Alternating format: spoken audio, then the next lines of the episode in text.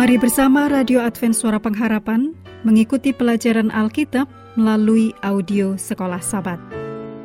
Selanjutnya kita masuk untuk pelajaran hari Selasa, tanggal 20 Februari. Judulnya Ujian Tuhan. Mari kita mulai dengan doa singkat yang didasarkan dari Titus 2 ayat 12. Supaya kita hidup bijaksana, adil dan beribadah di dalam dunia sekarang ini. Amin.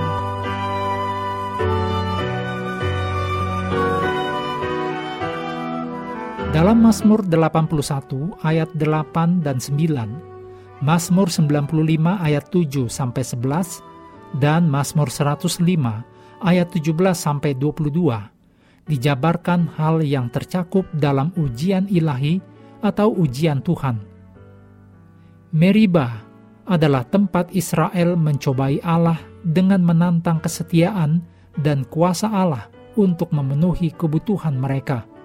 Ditulis dalam Kejadian 17 ayat 1 sampai 7 dan Mazmur 95 ayat 8 dan 9. Mazmur 81 membuat pembalikan yang menarik dan menafsirkan peristiwa yang sama dengan saat Allah menguji Israel. Ditulis dalam Mazmur 81 ayat 8. Dan karena tidak menurut dan kurangnya percaya, ditulis dalam Mazmur 81 ayat 12, bangsa Israel gagal dalam ujian Allah. Peristiwa Meriba menyampaikan pesan ganda. Yang pertama, umat Tuhan tidak boleh mengulangi kesalahan generasi sebelumnya. Sebaliknya, mereka harus mempercayai Allah dan berjalan di jalannya. Ditulis dalam Mazmur 81 ayat 14.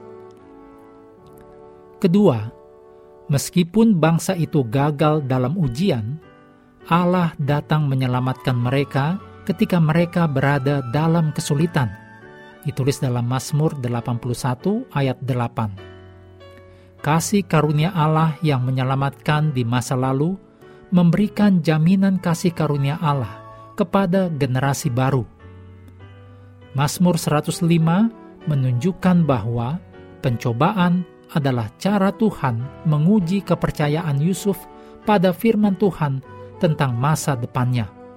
Ditulis dalam Kejadian 37 ayat 5 sampai 10, juga Mazmur 105 ayat 19. Kata Ibrani sauraf atau diuji dalam ayat 19 mengandung arti membersihkan atau memurnikan. Jadi, tujuan ujian Tuhan atas iman Yusuf adalah untuk menghilangkan keraguan apa pun akan janji Tuhan dan untuk memperkuat kepercayaan Yusuf akan bimbingan Tuhan. Tujuan dari disiplin ilahi adalah untuk menguatkan anak-anak Allah dan mempersiapkan mereka untuk penggenapan janji. Seperti yang ditunjukkan dalam teladan Yusuf dalam Mazmur 105 ayat 20 sampai 22. Namun, penolakan terhadap perintah Allah akan menghasilkan sikap keras kepala dan mengeraskan hati orang yang keras kepala. Dalam buku Testimonies for the Church, volume 4, halaman 146, dikatakan, Allah menuntut penurutan yang segera dan tidak mempertanyakan lagi hukum Allah. Tetapi manusia tertidur atau dilumpuhkan oleh tipu muslihat iblis yang menyarankan dalih-dalih dan mengalahkan keraguan mereka, dan mengatakan seperti yang dikatakannya kepada Hawa di taman. Kamu tidak akan mati. Tidak menurut bukan hanya mengeraskan hati dan nurani dari orang yang bersalah, tetapi cenderung merusak iman orang lain. Apa yang tampak sangat salah bagi mereka pada awalnya, lambat laun kehilangan terlihat salah karena terus-menerus terjadi di depan mereka sampai akhirnya mereka jadi mempertanyakan apakah itu benar-benar dosa dan secara tidak sadar jatuh ke dalam kesalahan yang sama.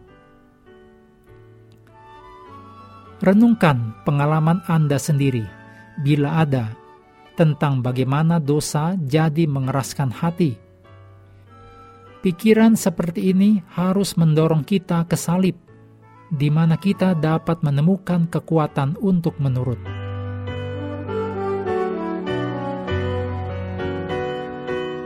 Mengakhiri pelajaran hari ini, mari kembali ke ayat inti. Mazmur 90 ayat 12.